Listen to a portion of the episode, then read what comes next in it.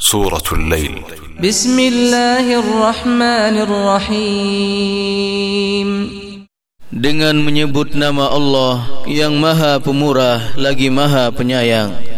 والليل إذا يغشى والنهار إذا تجلى وما خلق الذكر والأنثى إن سعيكم لشتى Demi malam apabila menutupi cahaya siang Dan siang apabila telah terang benderang Dan penciptaan laki-laki dan perempuan Sesungguhnya usaha kamu memang berbeda-beda فأما من أعطى واتقى وصدق بالحسنى فسنيسره لليسرى Adapun orang yang memberikan hartanya di jalan Allah dan bertakwa dan membenarkan adanya pahala yang terbaik yaitu sorga maka kami kelak akan menyiapkan baginya jalan yang mudah.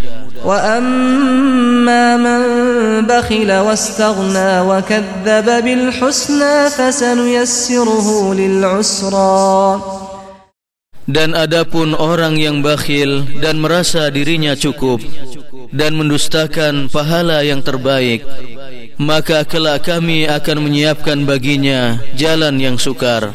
Wa ma yughni anhu maluhu idza taradda.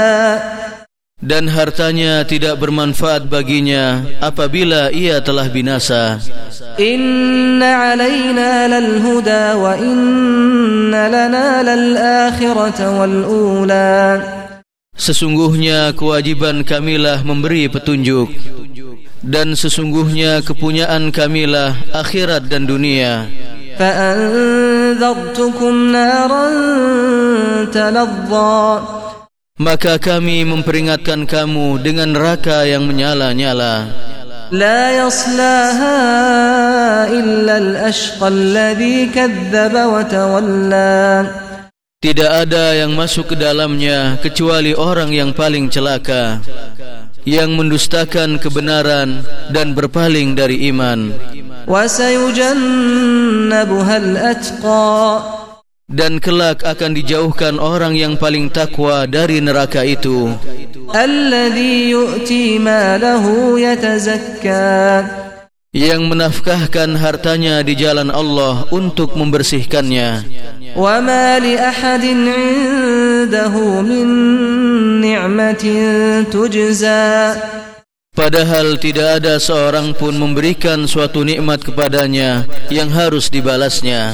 Illa bitigha wajhi rabbihil a'la wa la sawfa tetapi dia memberikan itu semata-mata karena mencari keridoan Tuhannya yang maha tinggi.